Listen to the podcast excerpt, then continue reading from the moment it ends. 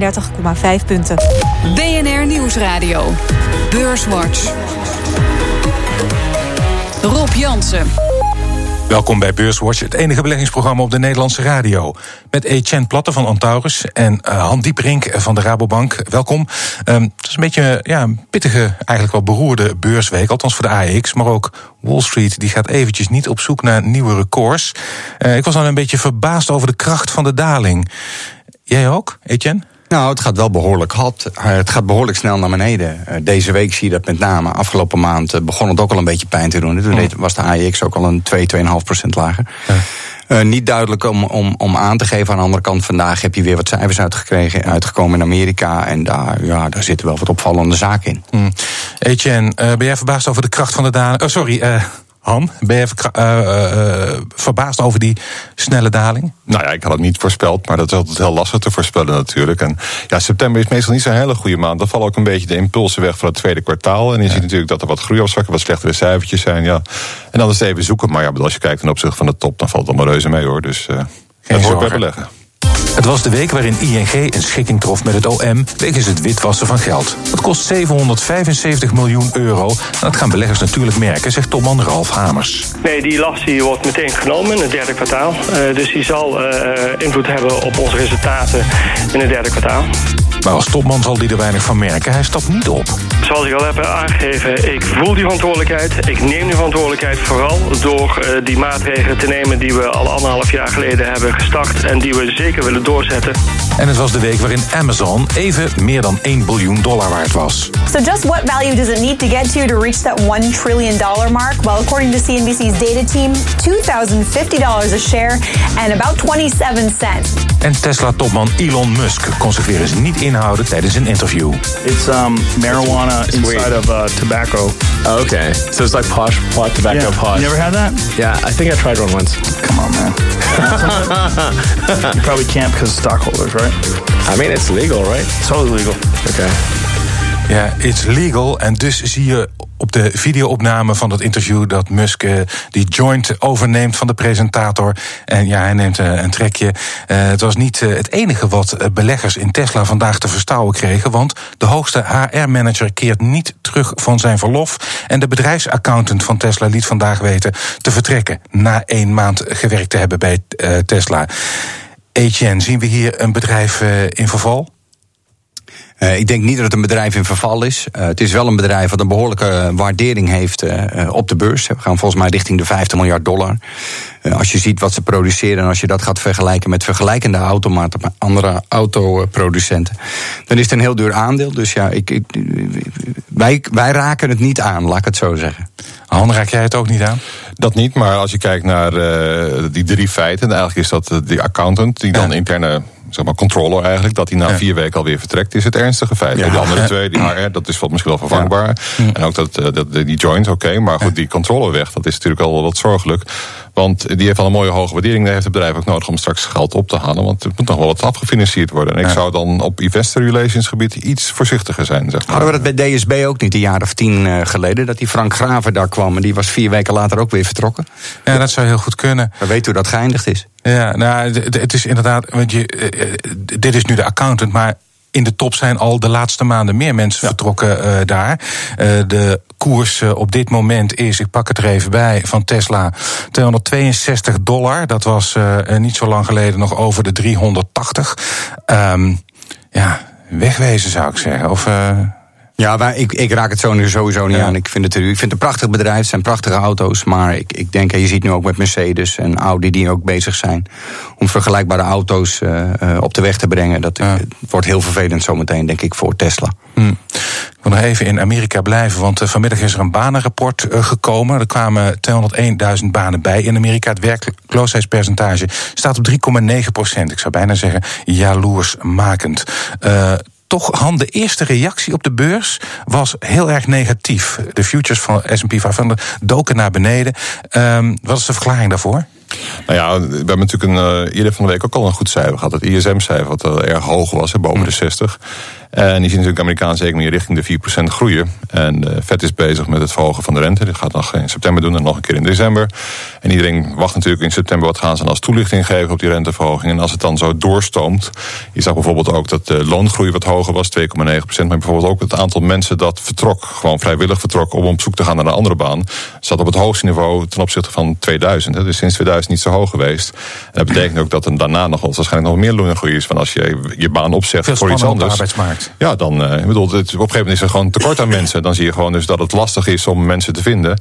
En eh, ja, dan gaan de lonen omhoog. En daar moet de Fed toch waarschijnlijk op gaan reageren. Dus eh, Ja. ja. dat is een beetje de angst die er is. De dollar iets sterker, rente iets, eh, de lange rente iets omhoog. Dus Maar misschien voor de Amerikaanse economie die lonen 2,9% omhoog. Die economie draait voor een groot deel op consumptie.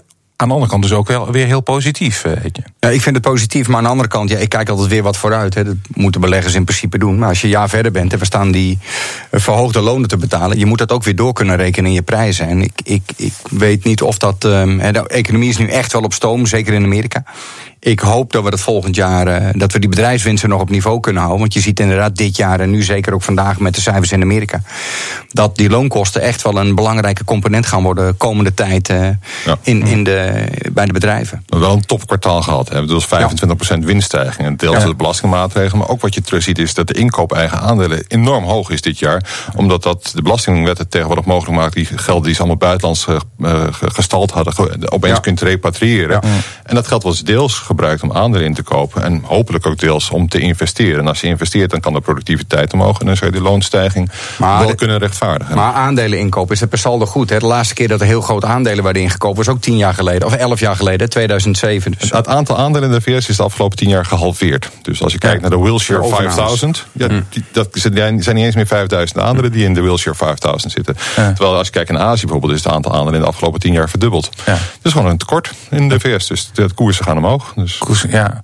Ehm, kan je zeggen dat, eh, eh, eh, want die het gaat goed met de economie, de, de belastingmaatregelen van Trump. Kan je zeggen, nou Trump, je doet het eigenlijk wel goed voor je. Hij doet in feite wat hij beloofd heeft. Nou, alle cadeautjes zijn wel gegeven nu, denk ik, hè, met die Nou ja, belastingmaatregelen. Nou, we hebben nu die handelsoorlog ertussen. Dat, dat speelt ook hem in de kaart, eh, denk ik. Hè, want ze zijn meer eh, importland dan exportland. Dus dat is Nou, voor Europa ja, vervelend. In, in principe zou bij een handelsoorlog zeg maar, de VS meer te lijden moeten hebben dan bijvoorbeeld de rest van de wereld. Want China zou ook naar andere partijen kunnen exporteren. Dus eh, dat zou op termijn dan voetbal moeten. Maar die handelsoorlog is natuurlijk niet zo groot nog. We hebben het over twee keer 50 miljard wat Ja. dan belast wordt. Het is op, de macrodata is het flintertjes. en dat zeker met zo'n hoge groei kan je dat best hebben. Ehm, ja, het, risico natuurlijk is dus dat er op een gegeven moment na deze boom die je nu krijgt ook een onvermijdelijke bust komt. Want ja, wat als je het alles nu allemaal oppompt op de top, dat op een gegeven moment dan die economie daarna wel wat afzwakt en dat je een soort recessie eh, krijgt. En dan is natuurlijk het risico van hoe ziet dan eh, de wereld er dan uit? En is de positie van Trump nog een risico voor de economie en beleggers? Want hij is deze week weer in opspraak gekomen door een anonieme brief dat hij eh, zijn- zijn zijn staf eh, zou bepaalde maatregelen eh, eh, niet. eh, die beschermen in feite Amerika voor de wispelturigheid van de president door bepaalde dingen te vertragen of niet uit te voeren. eh, dossiers van zijn bureau Ja. af, heb ik begrepen inderdaad. Ja. Nou ja, weet je, op het moment als dat al, al dat al de ronde doet, ja, dan, dan ben ik heel benieuwd of die eh, Nou, de hele termijn gaat redden. Maar Het lastige voor beleggers is dus dat waar je in het verleden dus niet zoveel uitmaakte voor de politiek wie er zat en welke Mm. partijen zat, dat dit natuurlijk op een gegeven moment wel heel veel invloed heeft, ook op de resultaten. Je ziet dus in de belastingen, in de bedrijfsresultaten en ook bijvoorbeeld de outperformance van Amerikaanse aandelen, hoe hard het gegaan is. Ja. en hij heeft nog een aantal dingen die hij nog beloofd heeft, zoals de infrastructuur aanpakken. Komen we krijgen straks allemaal bruggen en grote gebouwen nog. Komt dat is ook wel nog? nodig, heb ik begrepen. Dat is Ja, nodig. En zeker met, met iemand zo'n met zo'n ego als Trump, die moet toch een legacy nalaten. Ja. Lijkt- nou, dan heeft zo. hij nog wel wat te doen. Ik kom net terug uit Amerika en dan kan je één ding vertellen. Die wegen zijn daar niet zo mooi als dat wij dat hier hebben. Met het mooie zoap, asfalt en noem alles maar op. We krijgen eerst de midterm elections. Daar focust hij nu op. En Ja. daar kijkt iedereen naar wat er gebeurt. En of de Republikeinse partij de Senaat en het Huis kan houden. We gaan het zien. Zometeen praten we verder over beurs en economie, onder andere over Ineco Groep. BNR Nieuwsradio. BNR Beurswatch. We bespreken de belangrijkste beursontwikkelingen van deze week. Dat doe ik met Etienne Platte van Antaurus en Han Dieperink van de Rabobank. Maar eerst maken we de balans op van de afgelopen week. De AEX sloot op 38,5 punten. Dat is 3,6 procent lager dan een week geleden. Stijgers. De drie grootste stijgers in de AEX afgelopen week. Axo Nobel op 1 met een plus van 2,1 procent. Op 2 Gemalto met een plus van 0,7 procent. En op 3 NN Group met een plus van een half procent. En het midcap aandeel dat het best presteerde deze week was SBM Offshore met een plus van 7,4 procent. Dalers. Dalers. Dalers. De drie grootste dalers op 1 Altis met een min van 14,5 procent. Op 2 ASML 9,5 procent eraf. En op 3 Alberts Industries met een min van 6 procent. En in de midcap was deze week de grootste daler Fugro met een min van 9,2 procent. En de AEX is deze week 4 van de 5 handelsdagen lager gesloten. Ja, het ging niet lekker met de AEX uh, deze week. Um, uh, de AEX presteert wel beter dan uh, de midcap, de AMX-index. Heb, heb jij er een verklaring voor, Etienne? Ja, kijk, de AX is natuurlijk redelijk geconcentreerd in zoverre dat je hebt natuurlijk ASML, Unilever en Shell, wat al ruim 40, bijna 45 procent van de index uitmaakt. En die zijn er dit jaar tot nu toe redelijk doorheen gekomen. Nou, vandaag vallen er wel weer wat klappen met ASML, maar die zijn er redelijk doorheen gekomen. Vandaar dat de AX wel wat in de min staat voor de jaar, maar ik geloof 1 of 2 procent in de min. En bij de midcap is het natuurlijk veel versnipperder, dus je hebt veel meer.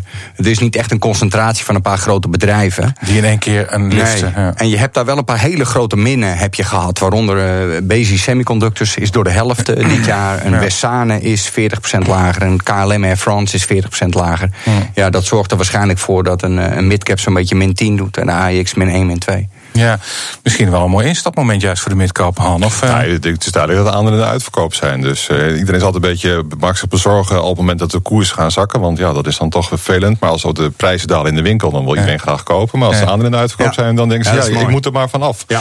Ja. als belegger moet je daar toch wat langer kijken dan die ene week. En denken toch, ja, bedoel, op lange termijn is waar ik naartoe kijk. En je moet kijken of er fundamenteel wat veranderd is. Ja. En dit is toch meer een sentimentskwestie, vrees ik. Dus uh, ik zie niet zo fundamenteel niet zo grote schokken eigenlijk. Kortom, dus je zou eens eigenlijk moeten gaan kijken of het, of het niet interessant is om. Nou ja, bijvoorbeeld, kijk, twee jaar geleden was met Best Foods, Walmart, uh, was over met, uh, met Ahold was ja, ook een, uh, ja. onder druk. En iedereen maakte zich allemaal grote zorgen. En dan was het ook in de uitverkoop. En nu staat hij weer op de koers die daarvoor was. Ja, ja. ja nu is hij weer ergens anders uitverkoop. Dus. Ja. Etienne, Europese beurzen blijven wel achter bij de Amerikaanse beurzen. Puur omdat Amerikaanse bedrijven doorgaans winstgevender zijn? Of zie je daar ook, komt dat ook door die kern van grote groeiers in de. Nou, dat heeft ook een beetje te maken met wat wij net al hebben besproken over natuurlijk de maatregelen van Trump. Die, ze hebben aange, die hij heeft aangegeven met die belastingvoordelen. Wat gewoon heel positief is voor de Amerikaanse bedrijven en Amerikaanse consumenten. Dat voordeeltje hadden we in Europa niet. En die handelsoorlog, ja, op een of andere manier heb ik toch het idee dat dat eigenlijk Amerika best wel in de kaart speelt. Omdat met name Europa een exportnatie is en Amerika een importnatie. Dus uiteindelijk op het moment dat die handelsoorlog zogenaamd verergert. En ik ben het met Han mee eens. Het is nu gewoon sentiment. Want die twee keer 50 miljard, dat zal geen drama zijn. Ja, nee, dat maakt niet. Maar wat je ziet eigenlijk is in april. Eh, tot april ging het gelijk op. De VS en de rest van de wereld. En toen zijn er wat dingen gaan veranderen. Het was niet zozeer de handelsoorlog. Maar het is eigenlijk omdat de, zeg maar, de VS richting de 4% groeipad ja. ging. Ja. En Europa die had de groei uitgepiekt op 2,5%. En dat ja. vlak nu naar 2 of misschien zelfs iets onder de 2. En dan zie je dus dat het monetair beleid ook gaat divergeren. Dat pleit dus voor de dollar. En tegelijkertijd, wat misschien niet helemaal goed te verklaren is, is vanaf dat moment de renminbi met 10% gedaald ten opzichte van het dollar. En als je zegt, nou, emerging markets, dat kijkt toch vooral naar de dollar, maar emerging markets kijkt ook vooral naar China. En als die munt opeens dan 10% zwakker wordt, ja, dan krijgt men een beetje weer van wat een paar jaar geleden speelde. Maakt men zich toch zorgen.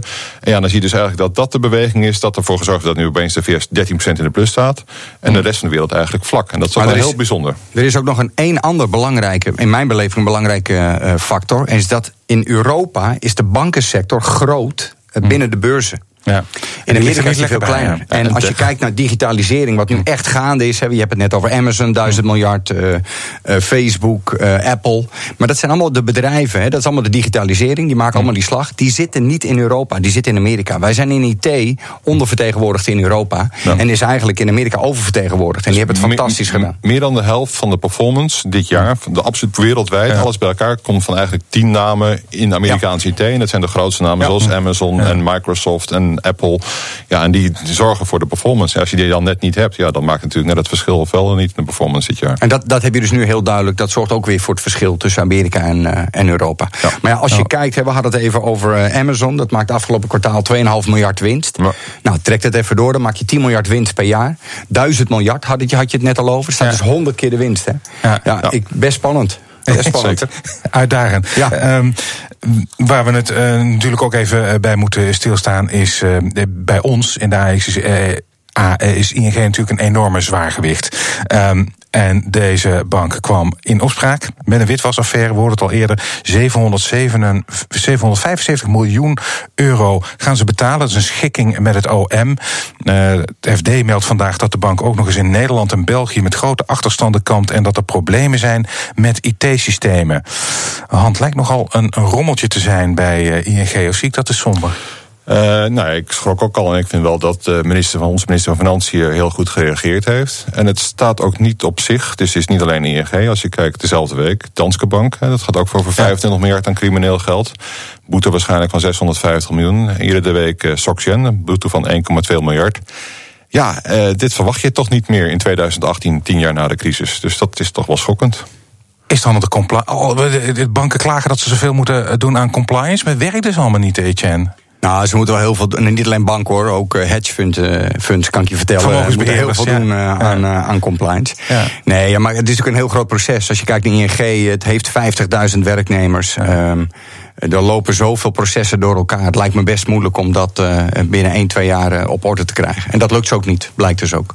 En ze hadden nog wel de naam op fintech uh, vooraan staan te zijn van de, ja. Euro, van de Nederlandse grootbank. Ja. Als ING, die, die had het allemaal op orde, leek het. Ja.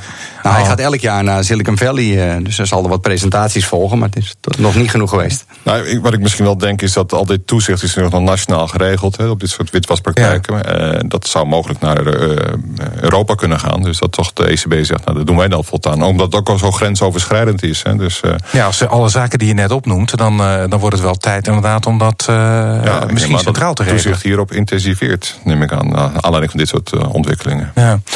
Um, als we nou even kijken uh, naar de stijgersdalers, niet van een week, maar year to date, dus vanaf begin dit jaar, dan is ING ook een hekkensluiter met een min van 27,6 procent. Dat is ook nogal fors, hè? Dat heeft niet alleen met deze zaken te maken. Hoe, hoe moeten we dat verklaren? Nou, de financials hebben het natuurlijk lastig met uh, de lage rente. Dus we hadden er vanuit, we zijn er eigenlijk vanuit als de rente gaat stijgen. Ja, dan gaan ze wat meer verdienen, omdat die rentemarge wat, uh, wat verbetert. En wat je al gezien hebt, is dat de rentemarge wat tegenvalt. En uh, tegelijkertijd zie je natuurlijk dat het akkefietjes zijn, zoals dat er wat onrust is in uh, Italië. Hè, dus dat kan een Italiaanse obligatie, Italiaanse banken misschien met onder druk zetten. Uh, Turkije, waar soms nog wat exposure op is. Dus iedereen maakt zich een beetje zorgen van, ja, dat gaat helemaal niet goed misschien met die, met die financiële sector. Terwijl als je kijkt bijvoorbeeld naar kredietverliezen of naar de economie, nou, er zijn ook wel plussen, maar daar heeft de markt even wat minder oog voor. Als je de sector breed kijkt, ja, en je kijkt naar boekwaardes die soms één, onder één keer boek staan. En eigenlijk bijvoorbeeld kijkt naar de verzekeraars, ja, willekeurige nette cijfers rapporteren. Ja, het is de, dat slecht nieuws wordt uh, wel gebruikt om het af te straffen, maar goed nieuws wordt niet beloond in de. Hmm. Blijf nog even bij de financials. In Chinese handen, maar mogelijk binnenkort weer Nederlands verzekeraar Vivat. Uh, over de verkoop gaan we het zo hebben. Eerst even de cijfers, want ze kwamen ook met cijfers. Uh, als laatste van de vijf grootste verzekeraars operationeel gestegen winst van 115 miljoen euro, maar netto een verlies van 173 miljoen door renteontwikkelingen. Ja, dat is, de, dat is de beleggingsportefeuille. Ja. ja. En, en, ja, die heeft het ook niet goed gedaan afgelopen kwartaal. Hè? Ja, maar onderliggend was het geloof ik 8 plus 58 procent. Ja, dus je kijkt dus de onderliggende trend. En waar iedereen naar kijkt bij verzekeraars... Mm. is natuurlijk naar de Solvency 2 ratio. Maar als die lekker hoog is... Die, ah, die is de laagste van de vijf. Ja, het was geloof ik die 162 procent. Of 167 procent, dus wel iets verbeterd. Maar als je lekker hoog is, dan heb je ruimte om wat dividenden uit te keren... of heb je ruimte om overnames te doen. Dus dat is een beetje wie iedereen op stuurt. Het op zich is verzekeren een hele heldere business... want je weet mm. wat de kaststromen zijn in en uit. En af en toe komt er een stormpje voorbij. Maar ja, op een gegeven moment is die Solvency 2-ratio erg belangrijk geworden. Maar dat is ook waar beleggers meer op letten eigenlijk dan op de onderliggende resultaten. En bij ASR is die 230. Dus ja, die hebben dus wel ruimte voor die overnames. Die om dat ja. te doen. Ja, ja dat is, uh, inderdaad, je noemt de ASR. Wordt, dat is de gedoodverfde uh, overnamekandidaat, de denk drie A's hè, worden nu genoemd. Hè? ASR, uh, Egon en Allianz. En, en uh, gisteren is bekend geworden dat uh, uh, Ambang heeft altijd gezegd... nee, het speelt niet, het speelt niet. Maar er is gisteren wel bekend geworden dat ze JP Morgan hebben ingehuurd... Voor, om de verkoop te begeleiden. Dus blijkbaar ja. speelt het toch. Ja, ja, en ik denk dat ASR... ik praat ook een beetje van eigen parochie... want we hebben dat sinds de IPO in portefeuille. Ik denk dat ASR de beste kandidaat is. En niet alleen um, omdat het goed past... Um, ook met name door de opmerkingen waar ik echt verbaasd over was van een maand of twee maanden geleden van de DNB, die eigenlijk al aangeven van nou, het zou wel best goed passen bij, uh, bij ASR. Terwijl je eigenlijk verwacht van een instituut als DNB dat ze daar niks over zeggen. Hm. Han, uh, zie jij het ook al passen bij ASR? Ik, dat weet ik niet. Ik bedoel, het is ongetwijfeld zal allerlei bitbooks uh, voorlopig ingediend worden. En dan gaan mensen kijken van wat is dan uh, het best passend. Dus dat zal ongetwijfeld uh, wat bijkomen. En kijk, consolidatie is natuurlijk in de verzekeringssector heel aantrekkelijk. Omdat je natuurlijk fijn in de kosten kunt snijden. Dus je ja, weet ja. natuurlijk dat, die, dat je dan in ieder geval je kaststromen kunt optimaliseren. Dus dat gaat dan waarschijnlijk wel gebeuren. Trucje hebben ze al gedaan, dus ze weten hoe het moet. Ja. Um, en, maar ze gaan niet elke prijs betalen. De range gaat zo'n beetje 1,3, 1,6 zijn. En, uh... Nou, ik denk dat Ambangen natuurlijk niet met kleerscheuren uit wil. Dus nou, dan moeten ze, wat is het, 1,4 hebben ze betaald. Ja. Ik heb een range van 1,4 tot 1,8 miljard gezien. Maar 1,8 miljard lijkt me... Nee, nou, dan, is, dan doet de ASR niet meer mee. Misschien het Allianz uh, met oogkleppen op wat gaat doen. We gaan het zien. Um, SBM Offshore, uh, dat uh, staat, uh, heeft ook een, op de beurs in ieder geval een prima week achter de rug. Ja. 7,4 procent erbij. Ja, lang, vaak in het nieuws geweest met het Braziliaanse opkoopschandaal, omkoopschandaal. um, daarvoor hebben ze een boete betaald, 347 miljoen dollar. Um, is nu meteen een koopwaardig aandeel voor jou? Etienne? Ja, ik, ja, ik ben grijs geworden van SBM de afgelopen drie jaar. Wij hebben dat drie jaar in de portefeuille. Ik plug dat al drie jaar. Um, eigenlijk is nu finaal, eindelijk is de dicht. juiste settlement. Boek is dicht. Iedereen kan nu weer gewoon kijken. Het is een, uh, een bedrijf wat uh, uh, drijvende boordplatformen bouwt. En we kunnen nu gewoon weer naar de core business. Is dat nog een vijfde kamer die nog ergens akkoord moet geven? Nou, er moet nog één handtekeningetje moeten ja, ja. Maar het schijnt, het schijnt dat dat een formaliteit is. En inderdaad, je hebt gelijk, ook binnen, binnen een maand weten we het. Maar ja, ja. Uh, laten, we, laten we ervan uitgaan dat die handtekening uh, ja, er komt. Al... En dan is het gewoon schip. Dan is de onderkant 14 euro. En ik ga je nu vertellen, dat is nog niet mijn tip. Het staat nu 14,5 euro, 15 euro. Het uh, staat over 12 maanden 20 euro. Nou, Han. Ja. Garanties tot? Tot de voordeur, dat weet je, Han. We zijn beleggers, toch of niet? Ja. Nou, sprekend over de tip. We zijn alweer bijna aan het einde van de uitzending. Dus um, het is inderdaad tijd uh, voor de tip. Han, wat is jouw tip voor de luisteraar? Ja, een beetje flauw, maar het is niet nieuw. Toch steeds nog Japan. En nogmaals, als je naar Japan kijkt, uh, de winst is jaar, dit jaar met 15% gestegen. De koers zijn min of meer gelijk gebleven. Dus die, zijn, die waardering is van 15 naar 12,5 ongeveer gegaan. Dus enorme focus op de corporate governance die dan aan het verbeteren is. Je ziet die return on equity duidelijk stijgen. Dus Japan doet alle goede dingen eigenlijk. De Japanse bedrijven doen alle goede dingen. En wordt er eigenlijk nog onvoldoende voor beloond. En 12,5 keer de winst voor Japan. Want we hebben natuurlijk in het verleden wel eens hogere waarderingen gehad. Op 100, 200 keer de winst. Ja, 12,5 is een koopje.